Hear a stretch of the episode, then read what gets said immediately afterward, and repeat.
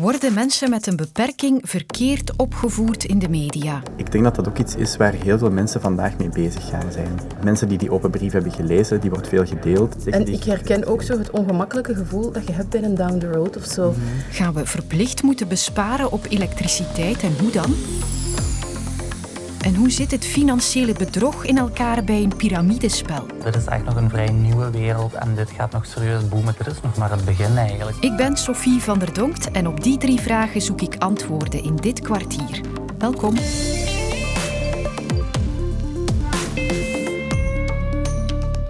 hallo Vlaamse media, uh, William Boeva hier. Misschien kennen jullie mij intussen al wel. Reeds 32 jaar ben ik een persoon met een beperking. Dit is het begin van een open brief die veel losmaakt op sociale media. De schrijver is comedian William Boeva. De Vlaamse media pakken de voorstelling van mensen met een beperking verkeerd aan, vindt Boeva. Ik vroeg hem wat er dan allemaal fout loopt.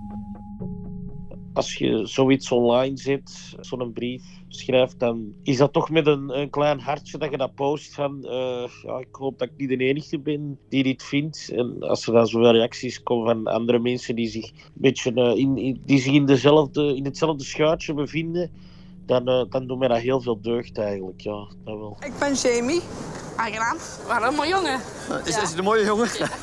Dank u wel. Maar ze, ze in elkaars ogen aan het uh, verdrinken of wat gebeurt er?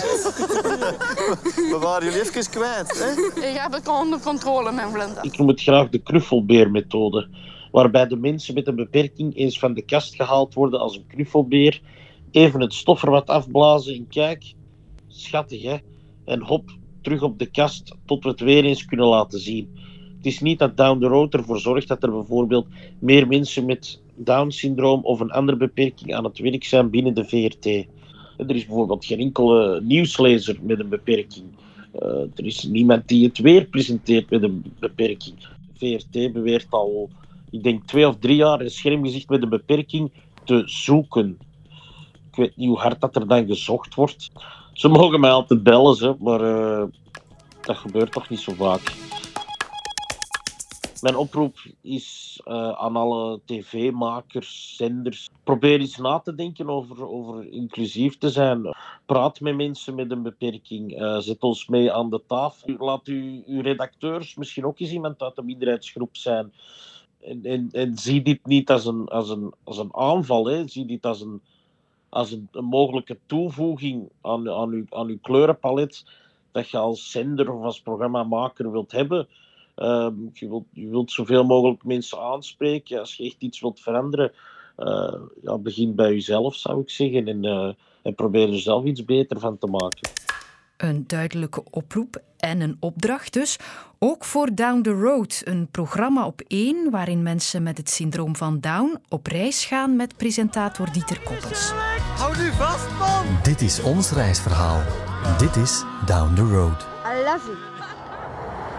Dieter. Ook hij heeft ons vandaag even te woord gestaan. Ja, ik, ik, ik was wel een beetje geschrokken eigenlijk. Uh, ik, ik, begrijp hem wel uh, ergens en, en, en ik, voel zijn frustratie wel ergens. Uh, maar als ik over straat loop en ik ontmoet ouders die een kind hebben met Down of een kind met een beperking, een andere beperking, krijg ik heel vaak de reactie van Dieter, voor ons is, is ons leven veranderd. Er wordt anders gekeken naar onze kinderen. Waar dat er vroeger zo wel eens in een boogje omheen gelopen werd, uh, gaan mensen nu veel meer gewoon in contact met onze kinderen. Dus we hebben een soort van drempeltje weggenomen.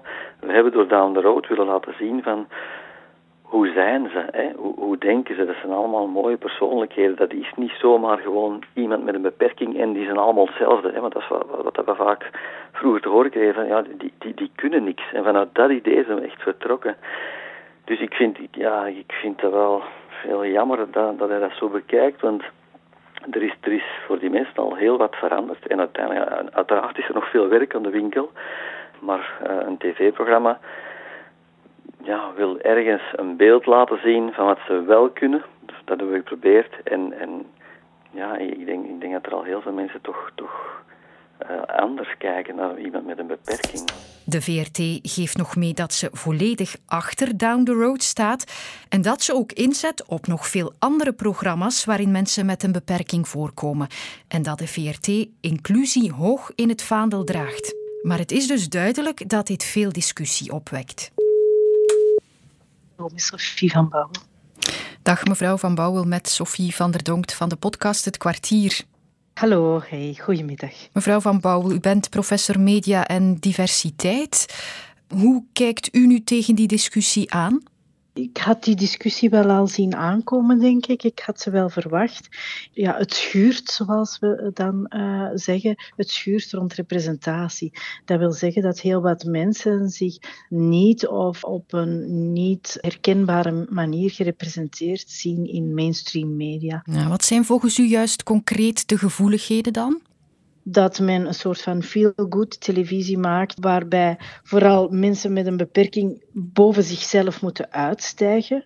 Dus dat wil zeggen een soort van helden gaat creëren. Er zijn nog een aantal programma's op de commerciële uh, televisie geweest, hè, op VTM bijvoorbeeld, waarbij ze ja, bepaalde doelen moesten bereiken, opdrachten moesten doen, bergen moesten beklimmen, met dan aan hun zijde een persoon zonder een beperking, hè, die dan als een soort van ankerpunt, begeleider de reis meemaakte. U zegt dat we die mensen beter in hun gewone doen kunnen integreren in onze programma's?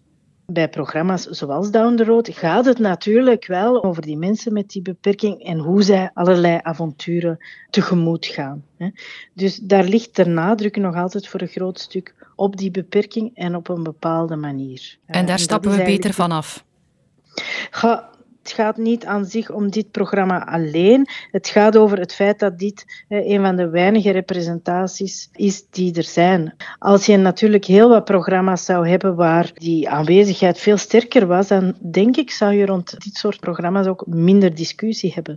Maar wanneer dat dit bijna de enige representatie is, ja, dan gaat men heel erg focussen niet alleen op wie komt er in beeld, maar ook vooral op hoe komt men in beeld. Want daar gaat eigenlijk de discussie nu over. Niet of ze in beeld komen, wel of niet. Men vindt het goed dat er een zichtbaarheid is, maar nu krijgen we natuurlijk wel de vraag op welke manier. Vooral mensen met een beperking vinden dat hier op een enge manier mensen met een beperking in beeld worden gebracht. Los van de goede intenties, het met veel respect gemaakte televisieprogramma. Dus dat, dat denk ik staat niet per se ter discussie. Maar dus wel dat mensen met een beperking nog te eenzijdig worden voorgesteld. Dank je wel.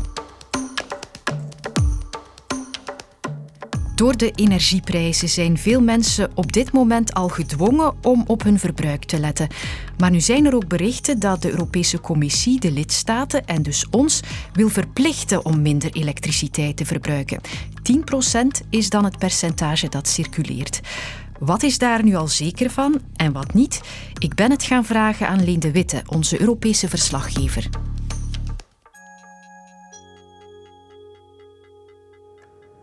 Leen, eerst en vooral hebben wij dat rapport. Ja, we hebben het hier, je ziet het hier liggen. Het zijn ja. 40 bladzijden. Dat is een uh, kladversie, zullen we maar zeggen, van het voorstel dat uh, morgen officieel mm. gedaan wordt. En uh, daarin zien we inderdaad dat de commissie vraagt aan de landen om maatregelen in te voeren die het elektriciteitsverbruik doen dalen. En dat Staat u 10% daarin? Nee, kijk, hier zie je het. Het zijn uh, nog ah, kruisjes Ja, tussen uh, aanhalingstekens. En er staat wel heel duidelijk bij dat het om een verplichte doelstelling gaat. Dus misschien wordt het nog een ander cijfer. Ze gaan er wel een procent op plakken, dat ja, is duidelijk. dat is wel de bedoeling, ja. Maar het is niet de Europese Commissie die uh, dit afklopt. Hè. Dat zijn de 27 lidstaten. En we hebben in het verleden al gezien dat als de Commissie iets wil verplichten, dat heel wat landen dan stijgeren en vaak ook op de rem gaan staan. Niet zonder slag of stoot. Nee, klopt. In juli was er bijvoorbeeld het voorstel om uh, eh, 15% minder gas te gaan verbruiken. De commissie had toen eigenlijk ook voorgesteld om dat uh, te verplichten. Dus eens je te weinig voorraden zou hebben, zou de commissie dan de alarmbel kunnen luiden waarop die verplichting wordt ingevoerd. Lidstaten zeggen, nee, nee, wij zijn bevoegd voor energie, dus wij zullen ook wel kiezen op welk moment het echt nodig is dat we die verplichte besparing gaan invoeren. Dus ik vermoed eigenlijk eerder dat we in die buurt gaan landen. Veel vraagtekens nog. In elk geval is het geen slecht idee om energie te besparen, maar hoe realistisch is dat en hoeveel winst kunnen we op dat gebied nog maken? Ik kreeg raad van onderzoeker Maarten de Grote van Energyville, dat bezig is met duurzame energie. De grootste verbruiken op huishoudelijk niveau naar elektriciteit toe, dat zijn vooral uw diepvries en uw koelkast. Een droogkast, uw wasmachine. Dan heb je daar oude modellen, is het uiteraard een, een, evidentie bijna om die te gaan vervangen met de huidige energieprijzen. Dat is zeker bekijken waard. Ook uw, verlichting, maar met, met de huidige verlichting met, met LED's of spaarlampen is dat eigenlijk vrij beperkt.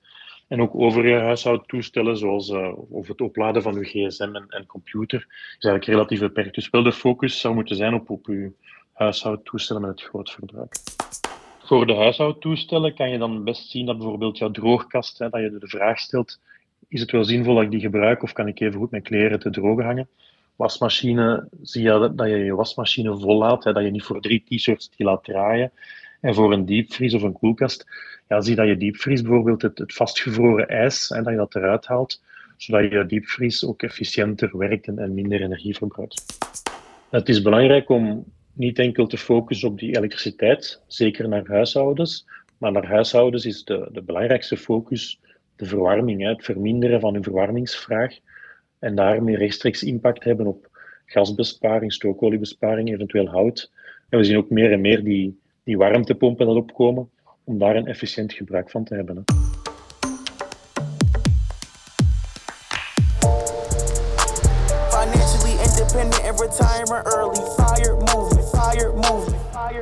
Elke ochtend opnieuw hebben we 1,4% winst gegarandeerd van maandag tot en met vrijdag. Dus dat is 7% winst per week.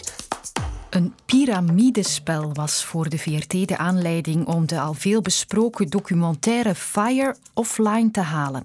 De man die je net hoorde was daarin te zien en hij zegt dat hij rijk is geworden door een soort beleggingsplatform, TFT of the Future Trade. En dat blijkt nu pure fraude te zijn, ontdekte VRT Nieuws. Onze collega Rien Emery stortte zich op het verhaal. Dat heb ik onder andere ontdekt door de promofilmpjes van The Future Trade die uh, gefilmd zijn, zogezegd in het Londense kantoor, maar waar je door het venster ziet dat er een gebouw staat dat een karakteristiek gebouw is voor de zakenwijk in Moskou. Dus de filmpje was opgenomen in Moskou, wat al vreemd was. En als je dan de gezichten opzoekt van de mensen die erin voorkomen, de zogezegde CEO, de zogezegde Chief Marketing Officer en andere bedrijfsleiders, dan bleken die Engelstalige namen te hebben, maar gespeeld te worden door Russische acteurs. Dus dat was ook allemaal fake op die manier is dan eh, uitgekomen dat de Future Trade geen echt beleggingsplatform is. En eigenlijk is de belegger in de documentaire dus een slachtoffer van fraudeurs. Experts waarschuwen al langer voor de gevaren van die piramidespelen. Kenneth de Becker, specialist financiële geletterdheid aan de Open Universiteit en de KU Leuven, ontrafelt voor ons de constructie.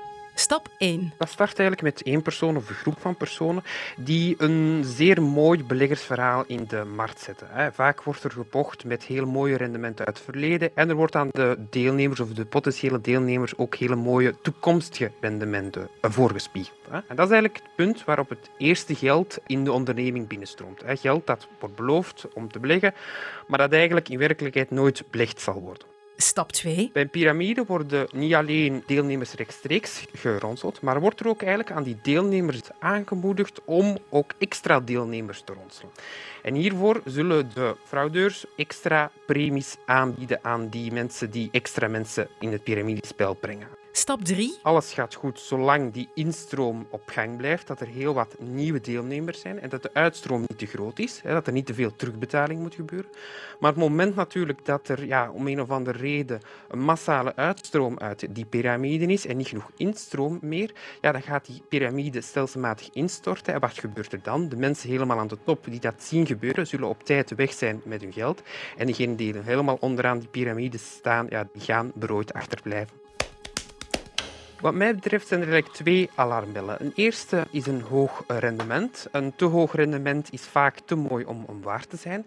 En een tweede, als de investeerder of het investeringsbedrijf je een garandeerd rendement boekt, dan moet je ook al achterdochtig zijn, want in de financiële wereld is niks gegarandeerd. En je bent intussen weer een kwartier verder. Dit was het voor vandaag.